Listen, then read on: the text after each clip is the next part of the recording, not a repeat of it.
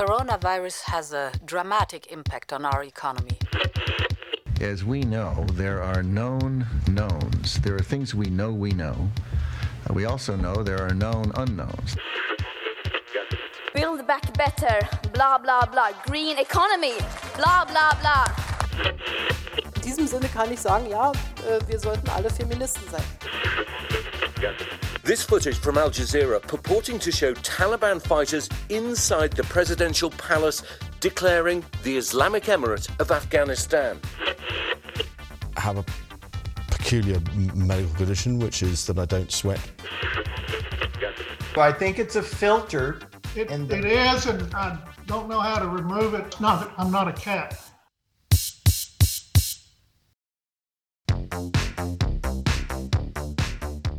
Þú ert að hlusta á heimskviður Í heimskviðum er fjallað um það sem gerist ekki á Íslandi. Ég heiti Birta Bjöstóttir. og ég heiti Guðmundur Björn Þorbjörnsson.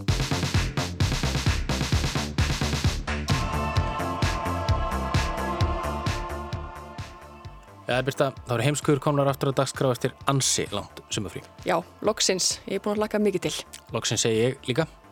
Þetta þá hvað fjóruða þáttaröðin á heimskviðum? Já, jú, fjórða eða þriðja, það er svona fyrir eftir hvernig fólk lítur á það, en jú, ef ekki segja það, fjórða. Jú, ég held það. Og við ætlum að vera á þessum tíma eftir hátegisfréttir á rás 1 á lögadugum áfram. Mm Og svo þetta í spilaranum á rúf.is og öllum helstu hlaðvarpsveitum. Svo heyrðum við hérna nýjar uppafsrættir.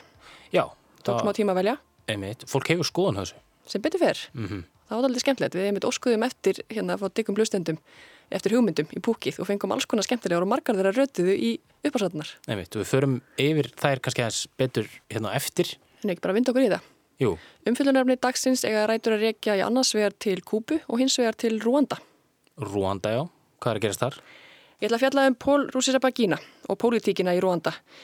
Hetjuleg framganga hans á hörmungatímum þjóðarsinnar var ráefni í Hollywoodmyndina Hotel Rúanda en hann var á mánudaginn dæmdur í 25 ára fangelsi fyrir hriðjuverkastarsemi. Þannig ég ætla svona að fjalla um hvernig hetja verður dæmdur hriðjuverkamaður og söguna á bakvið það. En þú ætlar að fara með okkur til Kúbu. Já, ég ætla að gera það. Í sumar voru sjálfséð mótmæli á Kúbu gegn stjórnvöldum og alla líkur voru því að þessi mótmæli haldi áfram núna í november. En svo flest vita þá er Kúba kommunistaríki eh, og hefur verið frá já, 1959 og það er svona hverskins andof barið niður.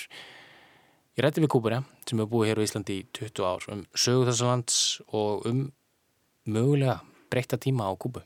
Ef ekki bara hlýða það. y permítanme exclamar una vez más, socialismo o muerte, patria o muerte, venceremos. Lefið mér einu sinni enn að leggja áherslu á þetta, sagði Fidel Castro í einn af sínum fjölmörgu ræðum. Sósialismi eða dauði, föðurlandið eða dauði, við munum sigra. Þessi ræða er tekin upp um miðbygg nýjunda áratugurins en hún hefði allt eins geta verið tekin upp við upphaf þess sjönda eða við upphaf 20. og fyrstu aldar. Skilabóð Fidels Castro til kúbönsku þjóðarinnar voru ætið þau sömu. Bildingin lifir annarkort velur þú föðurlandið og heldur tryggð við það eða dauðan.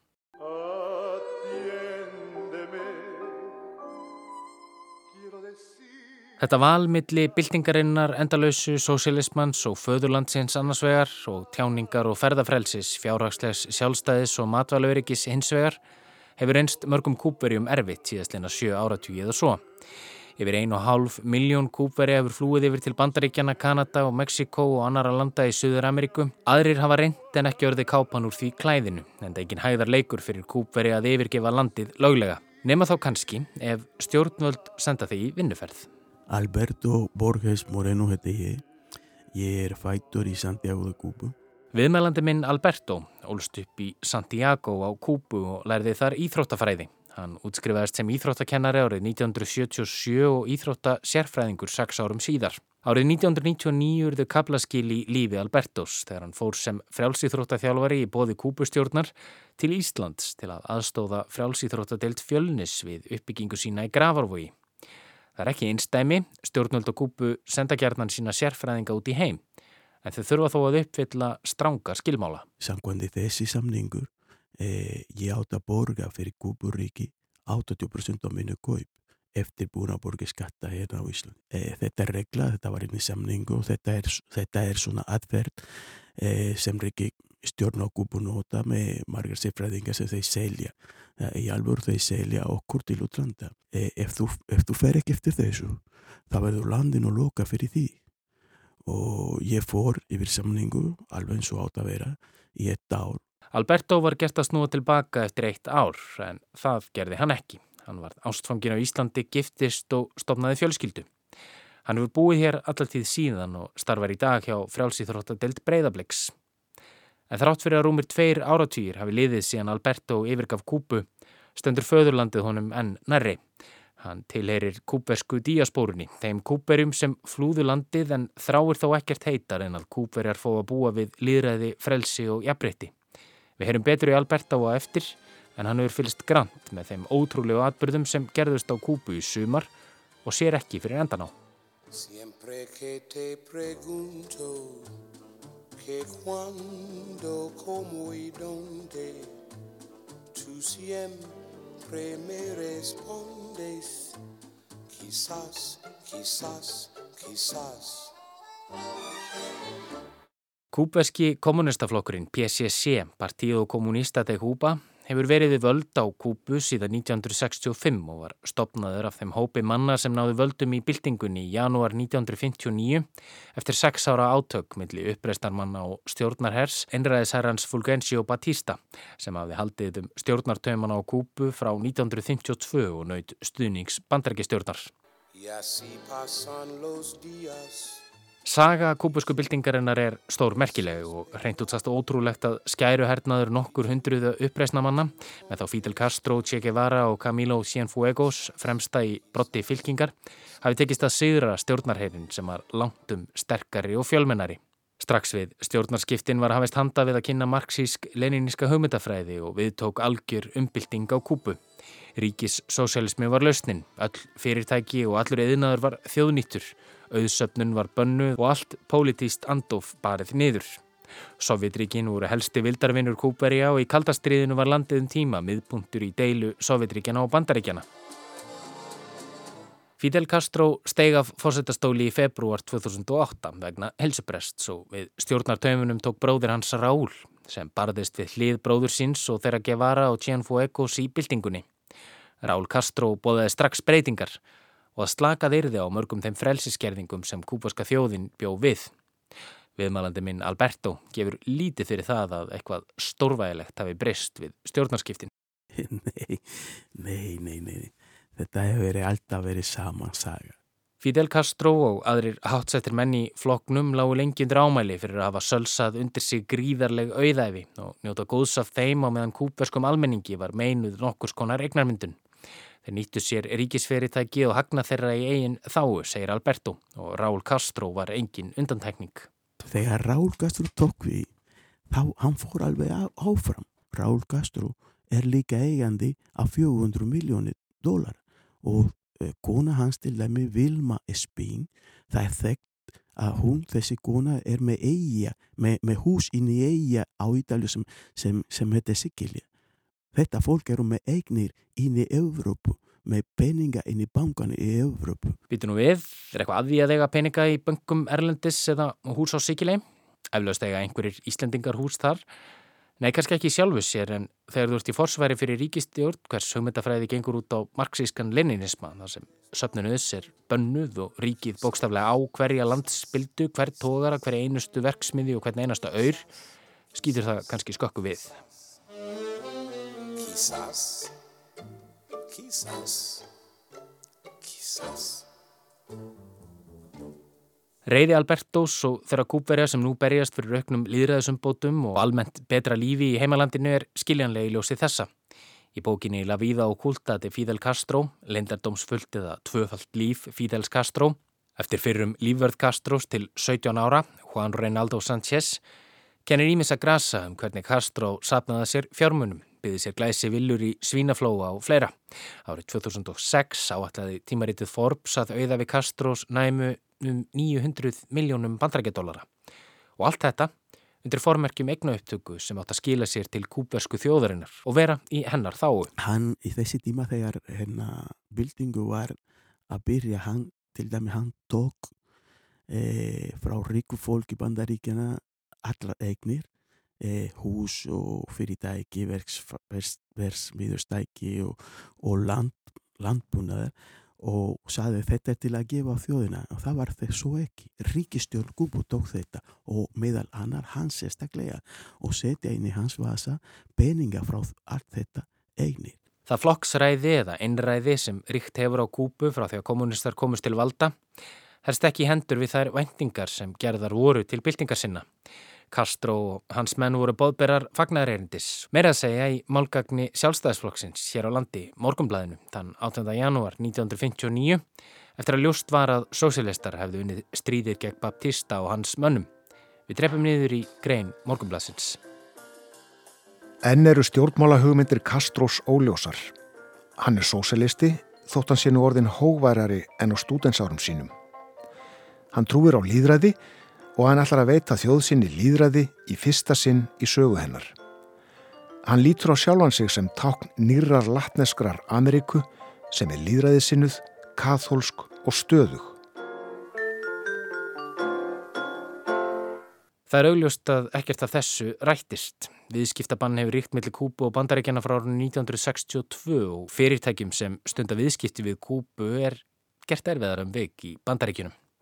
Lengst af reyti Kúpa sig því nær algjörlega á Sovjetríkin í alþjóðlegu og efnahagslegu samhengi. Þaðan fekk það ímsa aðstóð og meðlannars ódýra ólju og Sovjetríkin greitu mun meira fyrir kúpeskan sigur en heims markasverð saði tilum. En fall Sovjetríkjana við upp af tíunda áratugar síðustu aldar átti því eftir að hafa hræðilegar afleðingar fyrir kúpverskan almenning. Hörmungar tímabil hófst sem nefndir perióðu og especiál, sérstaka tímabilið alvarleg efnahagskreppa sem varði lungan úr áratöknum. Þessa tíma mann Alberto vel. E, í þessi tími það var mikið matarskort, það var ekkert. Þegar ég segja það var ekkert, það var ekkert til að borða, það var ekkert til að drega, það var ekki salt til að salta, nei, það var ekki dankram, það var ekki, e, það var bara ekkert. Úti á landsbygðunum fann almenningur sérstaklega fyrir þessum skorti. Ég hef verið að hóksa mikið tilbaka í þessi tími, hvernig við en ná að lífa þetta af. Við erum mjög, mjög dúlega fólk sem, sem kann að spara, kann að lífa með lítil en að meðan, að meðan ríkistjórn þeir lífa eins og kongarnir, þeim sem eru sangjar.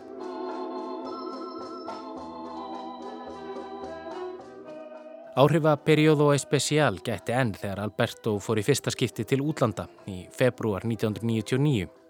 Það var þá sem rann upp fyrir honum að Fidel Castro var að ljúa og að heimurinn var öðruvísi en Castro hafði líst honum þegar hann millilendi á leiðinni til Íslands í Kaupanahöfn.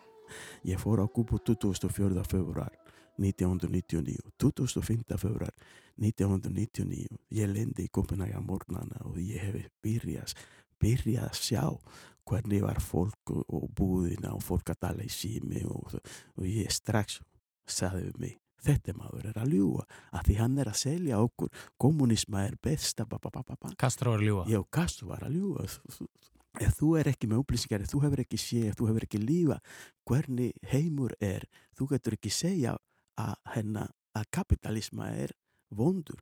Þegar einu upplýsingar um veruleikan kom á ríkismálgagninu Granma er kannski ekki förða að þú vitir ekki hvernig heimurinn er. Einn fjölmiðl sem segir þér hvað kapitalismin sé vondur og allt sé gott á kúpu já, Við hvað getur þú þá miðað? Þegar maður byrjir í kubu, þú fá ekki upplýsingar nema sem ríkistjórn og gefa þér í sjónbarbi og útbarbi. Þetta átti þó eftir að breytast. Það er nefnilega kannski ekki alveg rétt að Raúl Castro hafi yngu breytt.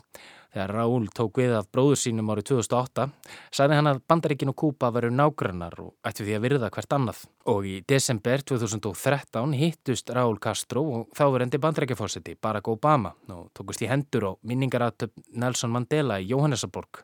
Og þremur árum síðar varð Obama fyrsti bandaríkjafórsetin til að heimsækja Kúpu síðan Calvin Coolidge satt í Kvítahúsinu árið 1928. Tveim árum fyrir fund þeirra á Kúpu hafðu Obama og Raúl Castro hafið viðræður um bætt samskipti ríkjana sem fóli meðal annars í sér að bandaríkin afléttu ferðamannabanni bandaríkjamanna til Kúpu sem hafði gríðarlega jákvæð áhrif á ferðamanna yðnaðin á eiginni. Bandaríska sendiráðið opnaði í Havana og það kúperska í Washington og þá var Kúpa tekin af lista bandaríkjana yfir svo kvöldið hriðiverkaríki. Á móti þurftu Kúpur er að gefa eitthvað eftir, meðal annars hvað viðkom fjarskiptum almennings. Einn stærsta breytingin sem gerð var í stjórnartíð Ráls Kastró var aðgangur að interneti og farsímaþjónustu fyrir almenning. Obama gerði góð hlut að leifa internet að koma inn í Kúbu. Það verður upplýsingar sem, sem geti flæða frá Kúbu og inn í Kúbu. Þrátt fyrir að stjórnvöld fylgist með gagnanótkun Kúperja, hvaða heimasýður þeir heimsækja og jafnvel tölvupost samskiptum, þá þýtti þetta að Kúperja gátti fengið skýrari mynd af því hvernig heimurinn er í raun og veru. Sami heimur og blasti við Alberto Borges Moreno á flúvellinum í Kaupmannahöfn fyrir tæpum 23 árum. Þetta var afleggur hjá Raúl Castro að mati Alberto. Þetta var mistokk hjá Kúburíki, sangvandi þeirra einræði og þeirra harstjórn eh, a leifa de internet como del cubo. Y eres tú mi canto de sirena, porque con tu voz se van mis penas. Víkur þá sögunni til dagsins í dag, eða réttar að sagt 11. júli síðastliðin. Tú me dueles tanto aunque estés lejos.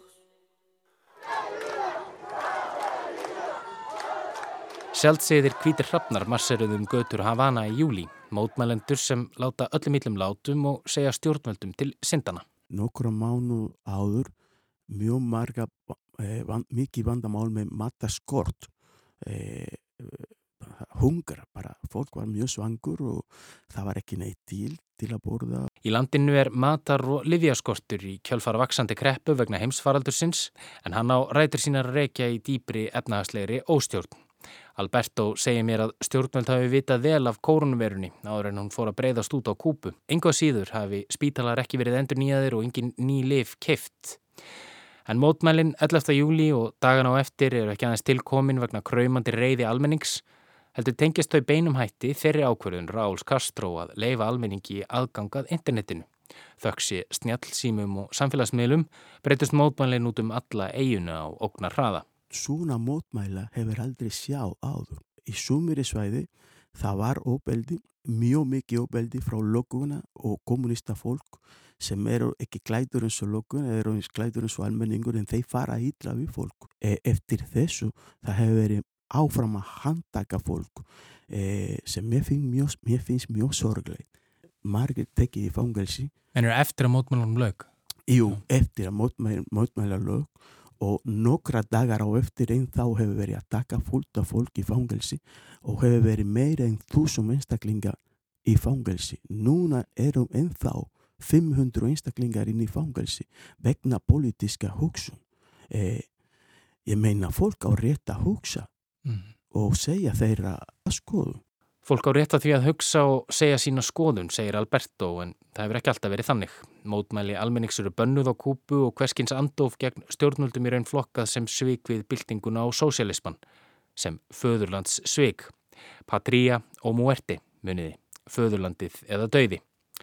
Og slagurð mótmælana og kannski næstu byltingar á kúpu voru vísun í þessi fleigu en drungalegu orð þins fallna leðtóa. Patria í víða, föðurlandið og lífið. Orðin koma ár vinsælu og samnefndu lægin okkur að þekktra kúpverska reggaetón tónlistarmanna sem kom út fyrra á árinu. Ríkistjónin hafði fordænt útgáfu lagsins en þar segir ekki fleiri legar. Fólki mitt beður um frelsi, ekki fleiri kenningar, skulum ekki lengur hrópa föðurlandið eða dauði. Haldur frekar föðurlandið og lífið.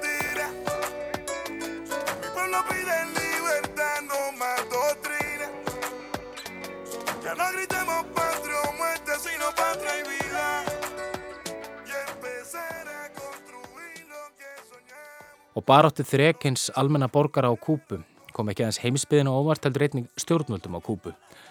Sem eins og Alberto greindi frá bröðust fyrst við með ofbeldi og handtökum en hafa nú, allavega einhverju leiti, farið að hlusta á kröfur mótmælenda.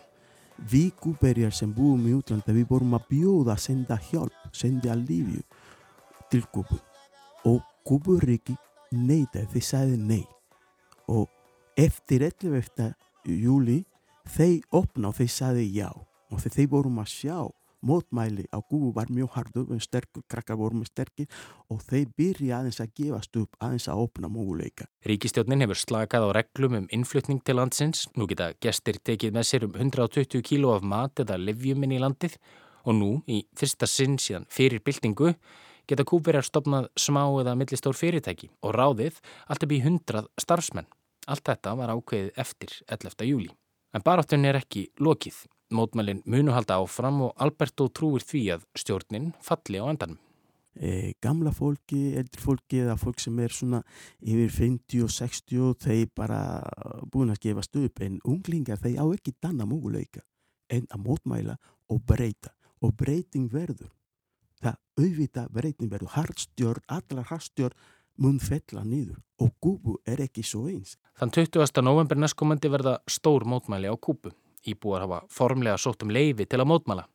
En það eru það þeirra mannreitindi. Saksóknari á Kúbu, aðal saksóknari, hann viðurkenni eh, Kúberjar á rétt að býðja um mannreitindi, að býðja um frelsi. Allir eiga rétt að segja þeirra skoðu. Er það ekki svolítið óvænt? Eða svona að hann skuli segja það og þóra að segja það? Jú, jú, það er mjög óvænt. Og, og heldur að ríkistjónin muni já, samþykja þetta? Eh, það er óvís, en það mun vera aftur mótmæla.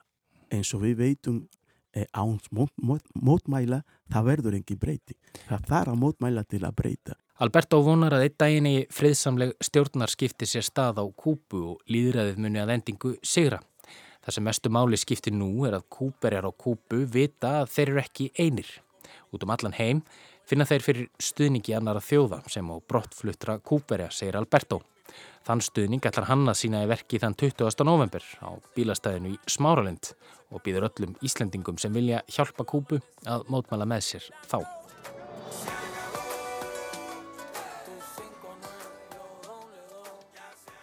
Ég heimsótti Kúbu skömmu áður en heimsfaraldurinn Hofst. Unga fólki sem ég reddi við, unga fólki sem hafði aðgangað interneti var bæði þreytt og pyrrað. Það vildi breytingar og þú vildi komast burt. Gamla fólkið talaði eins og var af lotningu um Castro og Che Guevara og sannfærð um að byltingin lifi enn, föðurland eða dauði, patria og muerte. Þetta ódöðlega slagorð sá ég víða á skiltum og minnismerkjum, hvort sem inn í Havana eða úti á landsbyðunum. Veðurfarslega er landið vissulega paradís, það get ég vottað, þar vex allt sem vaksið getur og tækifærin virðast enda laus. En eins og segir í dýrabæi George Orwell, þá eru öll dýrin jöfn, en sum dýr eru jafnar en önnur. Samkvæmdi kommunism og sosialism þú má ekki vera ríkur, þá allir, verður að vera allir jafnir. Allir jafnir, en sann þessi sem eru með stjórnu eru ekki jafnir því þeir eru ríkir þeir njóta, þeir, þeir eru með indisleg hús, þeir eru með æðislegt sangongu, þeir eru með, með allt, allt sem þeir þarf til að lifa vel en eru með að kúa þjóðina. Fidel Castro er dáin, Raúl Castro er sestur í Helgan Stein og Miguel Díaz-Canel er tekin við, maður með nákvæmlega sumi hugssjónir og fyrirrennarar hans. Hugssjónir sem er lítið skilt við þá von sem Fidel Castro blés í brjóst kúpverja þegar hann sigraði einræðisherran Baptista og bóðaði nýja tíma hvar spilling keiriði sögunni til. Gripum aftur niður í lofræðu morgumbladsins frá því janúar 1959. Þessi skeggjaði unglegi maður hefur orðið tákn þess að þessi heimsálfa afneitar grimdaræði, ósanindum og óheiðarleika liðinar tíðar.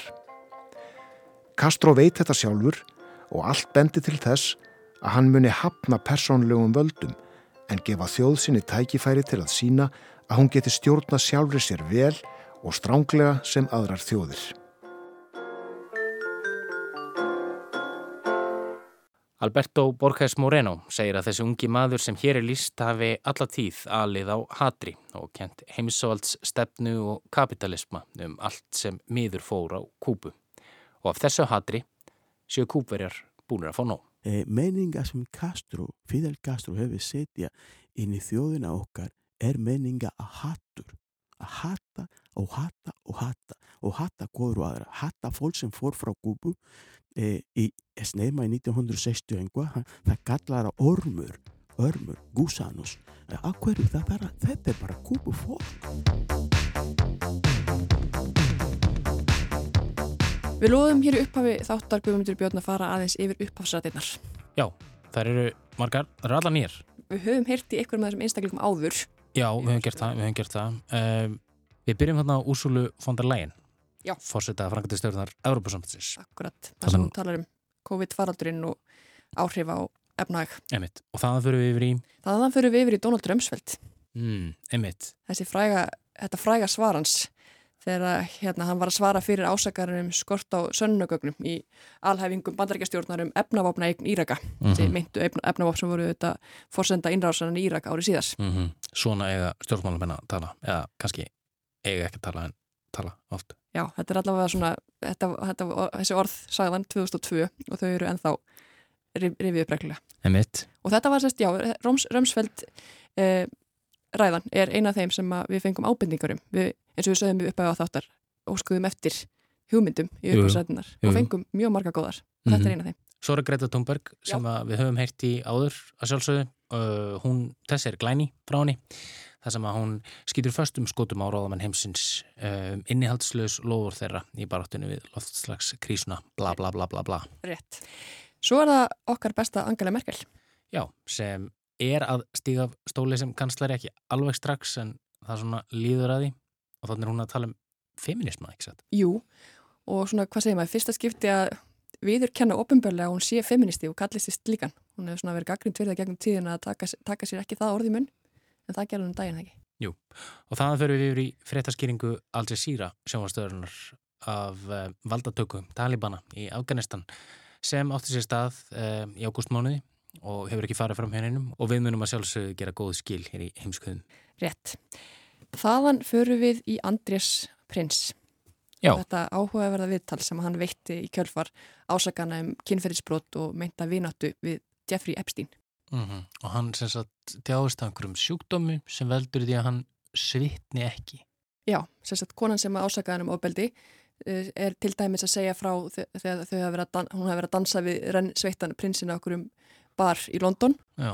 og hans svar er þetta. Já, það gengur ekki. Nei, því hann getur ekki með passað. a peculiar medical condition. Já, hann getur ekki svitna. Og ástæðina, Mm. rekur það líka í vittalinu, hann segir ástæðin sér svo að hann, hann hefði fengið svona ofskamt af aðdunulíni þegar hann var í Falklands eigastríðinu og það hefði orsakað það að hann getur bara reynlega ekki svitnað í kjölfarið. Mm. Við gerum nú, hérna, föllum nú um þetta Já, vittal. já. Stórlindarlega rauksand á hæsla allt saman en láta það ekki til hluta. Svo í lokin er það, já, stórskemtileg upp á koma sem er svona COVID-tengt sem átti sér stað á fundi, hvað voru þetta, þrýr lögfræðingar í bandaríkjunum, dómarar sem voru að Það voru eitthvað svona rafræðin réttarhöld og þú veist, við notum... átti sér stað á Zoom. Já, og ég held að þetta, hérna, þessi vídeo upptaka sé eitthvað að besta sem að COVID hefur gefið okkur. Það er þessi lögfræðingur þarna sem heitir Rod Ponton, hann mæti til leiks í þessi rafræðinu réttarhöld með eitthvað kattafilter á sér og er í tómum vandræðum að losna við hann að kalla til aðstofamanneskina sína til þess að reyna að hjálpa sér að losna við og tekur hann skýrt fram að hann sé sannlega ekki köttur. Við fengum líka ábendingu um þetta. Þetta var einn af hlustundum okkar sem að mælti með þessu og þetta rataði raglitinn. Einmitt, kæra þakki fyrir það, kæra hlustundur, en þá aftur að alvöru málsins, við höldum nú til Rúanda.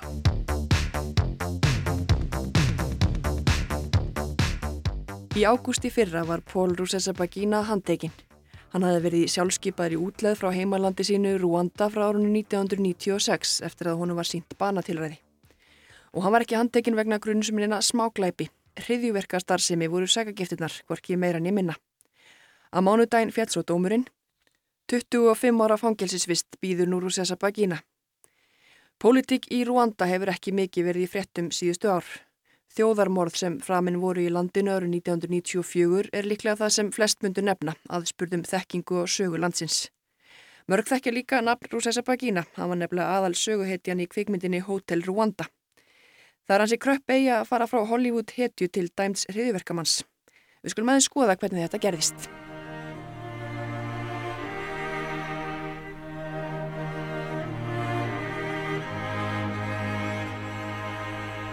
Rúanda er eitt af minnstu en jafnfram þjættbílistu ríkjum Afríku. Þar búa nú um 13 miljónir manna.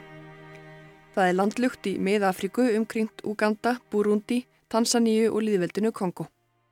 Líkt og mun fleiri Afríkuríki var Rúanda undir stjórn Evrópuríkja sem á nýlendu tímanum spiliðu sín eigin útgáfi á borðspilinu Risk í heimsálunni. Rúanda var fyrst hluti af Þísku Austur Afríku undir lok 19. aldar en varðað belgísku vendarsvæði eftir fyrri heimstyrjöldina. Rúanda var þró sjálfstætt ríki árið 1962.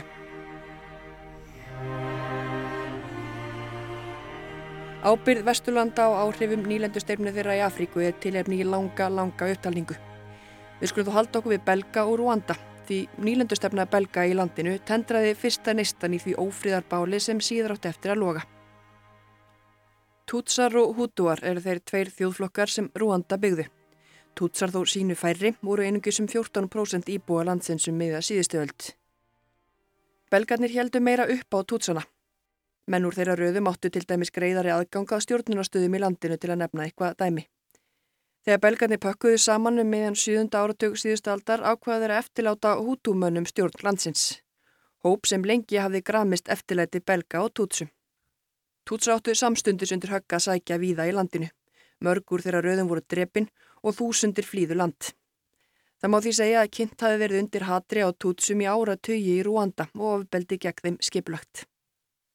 Þáverandi fórseti landsins, hútúmaðurinn Habjari Manna, í að reglulega nöðsynlegum aðgerðin til að losna við alla tútsana á landinu. Öfgafullum stuðningsmönnum fórsetans þótti þær aðgerðir ekki ganga nú hratt eftir. Ólíugusan á eldin var þegar flugvel fórsetans var skoti neyður. Uppreysnamönnum tútsa var samstundis kent um og setni tíma rannsóknir bendi einhverjar til að öfgamennu rauðum hútúa hafi sjálfur lagt á ráðinum að myrða sin eigin fórseta til að geta ráðist með skipluðum hætti í að útrýma tútsum. Við tók þryggja mánada blóðbað eða þjóðarmorð. Lýsingarnar af því sem þarna fóru fram eru svo hræðilegar að áður en við heyrum brotur frá sögn Alice Mukarurenda er vissar að vara við lýsinguminnar. Konu sem misti barnið sitt og var skilin eftir stórslöðsu til að deyja.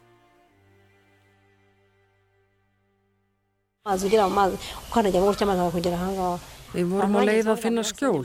Hermaðurinn náði mér og hrifsaði af mér nýju mánada barnið mitt sem ég bar á bakinu. Hann skar barnið mitt í sundur. Þegar ég var að berjast við að bjarga barninu mínu skáru þeir af mér höndina, skáru mig í andlitið og börðu mig í höfuðið. Einn af hermununum stakk spjóti í gegnum vinstri aukslina mína í gegnum bringuna og skildi mig eftir til að deyja. En Mukaru reynda dó ekki. Í viðtalinu sínir hún úrliðin þar sem að hægri höndanar eitt sinn var og örin sem hún ber á bringu og aukslum. Mukarurinda er Tutsi. Þegar óöldin skall á bjói í næsta húsi við hana maður að nafni Emanuel Nainda Sapa. Hann var hútumadur og eitt þeirra sem tók þátt í árásinni á nágrannakonuna og barnið hennar. Ég skar höndin af henni. Ég skar hana í andlitið og félagi minn landana í höfuðið. Hún fjellt til jarðar og þá stakk hann spjótinu í gegnum aukslin á henni. Svo tók annar félagi minn barnið hennar og drafða. Ofbeldið var svo gengdalust og Mukura reynda og árásamaður hennar eru sannlega ekki eina af þeim sem hafa svipaða sögu að segja.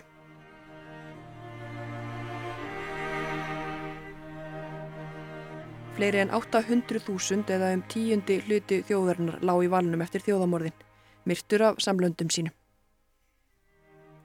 Þau verða ekki mikið stærri verkefni þjóða en að gera upp og byggja til framtíðar eftir hörmungar sem þessar.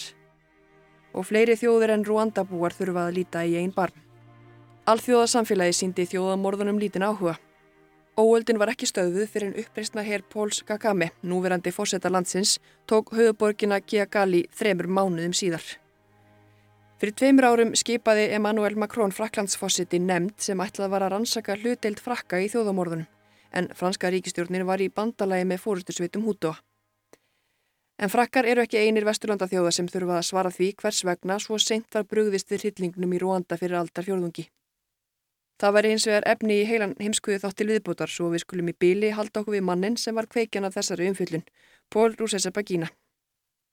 En hver er þessi maður sem nú hefur verið dæmtur fyrir hriðverkastarsemi, hefur dvalist í útlegð og var efni viður í Hollywoodmynd fyrir að bjarga lífi fólks þegar þjóðarmorð voru framinn í heimalandinu.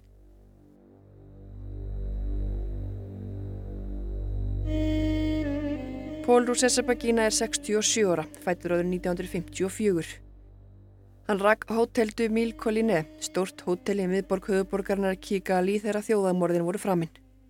Það var eins farið með Rúsesabagína fjölskylduna og mun fleiri fjölskyldur í landinu. Pól Rúsesabagína er hútui, eiginkona hans Tatjana Tutsi. Þau skutu skjólshúsi yfir fjölda fólks á þessum hörmunga tímum í lífi þjóðar, aðeins meirum það hér rétt á eftir. Nafni hans, Pól Kagame, er nú fósetti Rúanda. Hann er Tutsi og var sá sem leiti hersveitirnar sem náðu höfuborginni Kigali á sitt vald eftir hundra daga blóðbað. Rúsesabagína var aldrei sáttur við ný stjórnvöld í heimalandinu og flýði land eftir að hún var sínt banatilræði árið 1996, tveimur árum eftir þjóðamorðin. Hann flýði til Belgíu og starfaði þar sem legubílstjóri. Og það var einmitt í því djópi sem saga Pól Rúsesabagína rataði til kvikmyndarleikstjórans Terry George. Írski leikstjórin George var þá líklega þekktastur fyrir kvikmynd sína In the Name of the Father. Legubílsturinn Rúsessa Bagína sagði George sögu sína frá hlutverki sínu sem hótelstjóri á tímum þjóðarmorða í heimalandinu. Til að gera langa sögu stutta var kvikmyndin Hotel Rwanda frumsýnd tveimur árum eftir legubílaferðina örlegaríku. My name is Paul Rúsessa Bagína. I am the house manager of the most luxurious hotel in the capital of Rwanda. A place that my family and I happily called our home until the day everything changed. Í Hollywood stíl er sögur úr Sessabagina gerð skil í myndinni. Don Cheadle fer með aðalhutverkið. United Artists presents the true story of a man who fought impossible odds. I cannot leave these people to die. To save everyone he could. They say you led the massacres. You will tell them the truth. I will tell them nothing unless you help me. And created a place Go inside the hotel. Where hope survived. You are a good man, Paul. We need to help one another. That is the only thing that is keeping us alive. Hotel Rwanda. Hinnum óbreytta hótelrekandar úr Sessabagína var í myndinni eignaður heiðurinn að því að hafa bjargað lífi fleiri en 1000 manns þessa örlega ríku 100 daga í Rwanda. Bjargræði hans voru ekki síst í sannfaringamætti hans til að telja hútumönnum í árásarham hugkvarf þegar morða á tútsum sem leituðu skjóls á hóteli hans úr annars vegar. Hann segist sjálfur bæði hafa nýtt sambönd sín við háttsetta embættismenn sem úr sína eigin fjármunni til að miðla málum. Þannig hafi eitt sinn hundruður vopnaðra manna umkringt hótelið hans. Hann hafi eins vegar lagst í síman og náða afstýra yfirvofandi árás hermana með því að tósa í spotta og miðla málum. Þau eru þó nokkur sem hafa reyndar sett nokkur spurningamerki við framsetningur úr Sessabagína og því sem þarna gerðist. Hann er til dæmis sagður gera held til mikið úr afregum sínum og sannfæringamætti, auk þess sem hann hafi rukka fólki fyrir veru og hótelinu. Einungist þau sem voru borgunafólk fyrir dvölunni höfðu kost á því að láta bjarga lífi sínu með þessum hætti. En hvað sem því líðu fóru hjólinn heldur betur að snúast hjá Rúsessabagína. Myndin var svo vinsæl að hún blakaði við Sálaró Póls Kagame, fórsetta Rúanda. Sá reyndi meira að segja að beita sömu meðlum og vildi gera aðra Hollywoodmynd þar sem Rúsessa Bagína væri skúrkurinn. Svo mynd hefur ekki enn komið út.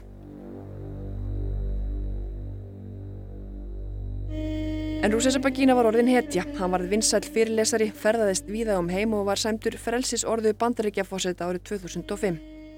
Það var George Töfaldvaf Bush sem sæmti hann þessari mestu viðirkenningu sem erlendum ríkisborgurum með veittur úr þessari átt.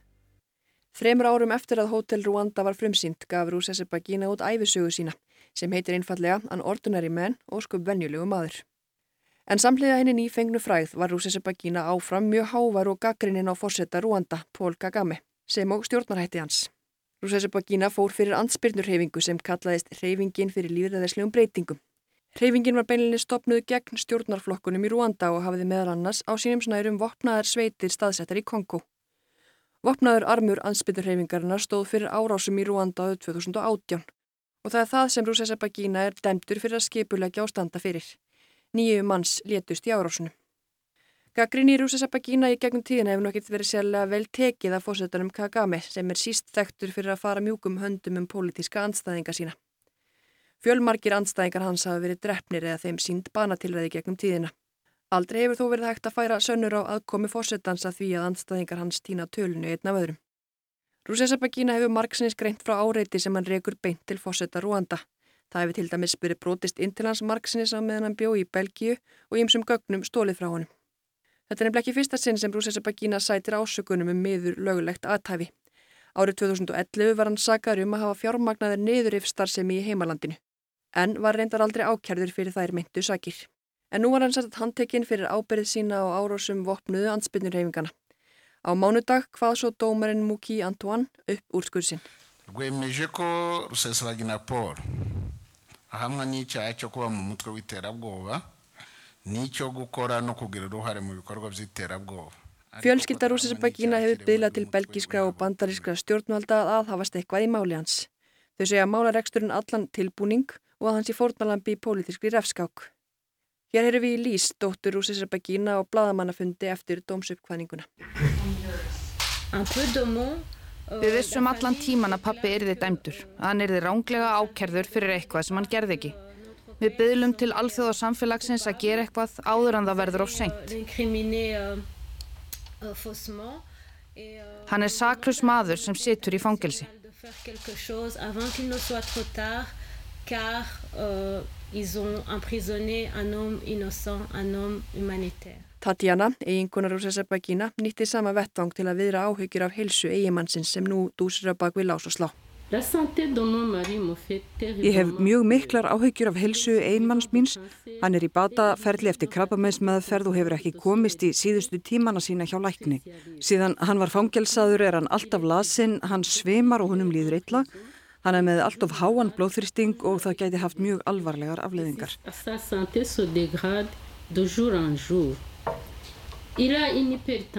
Hann gæti hreinlega dáið eða örkumlast og þess vegna nýtt ég þennan vettvang til að byðla til heimsbyðarnar allrar, sérstaklega stjórnvalda í Belgíu og Bandaríkjónum að gera hvað sem þau geta til að koma eiginmannin mínum heim eins hratt og hægt er.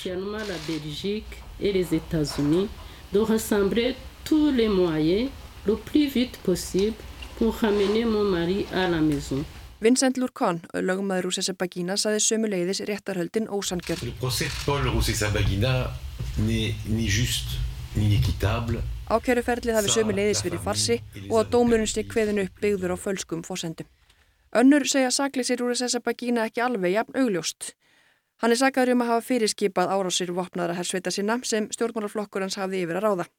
Hersveitunar vopniði voru staðsettar í Kongo og viðruðu vopn sín í þó nokkrum árásum á árunum 2018 og 19.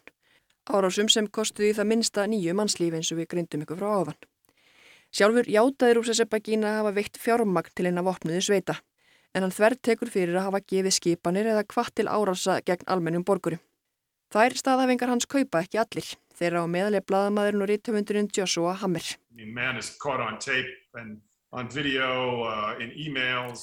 meina að það eru til upptökur af manninum, myndbands upptökur og svo hefur hann nýtt tölvupósta og fleiri miðla til að lýsa yfir stuðningi við þessa skæruleiða árásur yfir landamærin þar sem almennir borgarar létust. Hann hefur viðurkent að bera ábyrð á þessu og viðurkent að skæruleiðar hans hafi hafist við í skóum í Rwanda þaðan sem þeir framkvæmdu þessar árásir.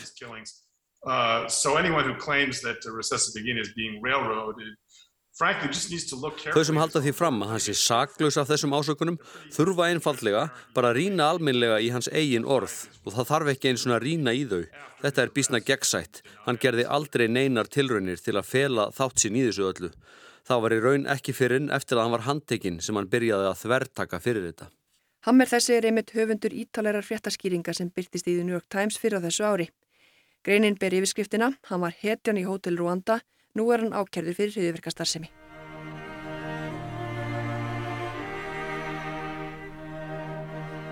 Hriðverkamenn eru aldrei hetjur, en geta hetjur orðið hriðverkamenn, líklega. Hvort Pól Rúsesabagína sé hetja eða hriðverkamaður, bæði eða hvorugt verður ekkert fullirt um hér. Ykkur er sjálfum hlustendur góðir frjálsta mynd ykkur skoðin á því.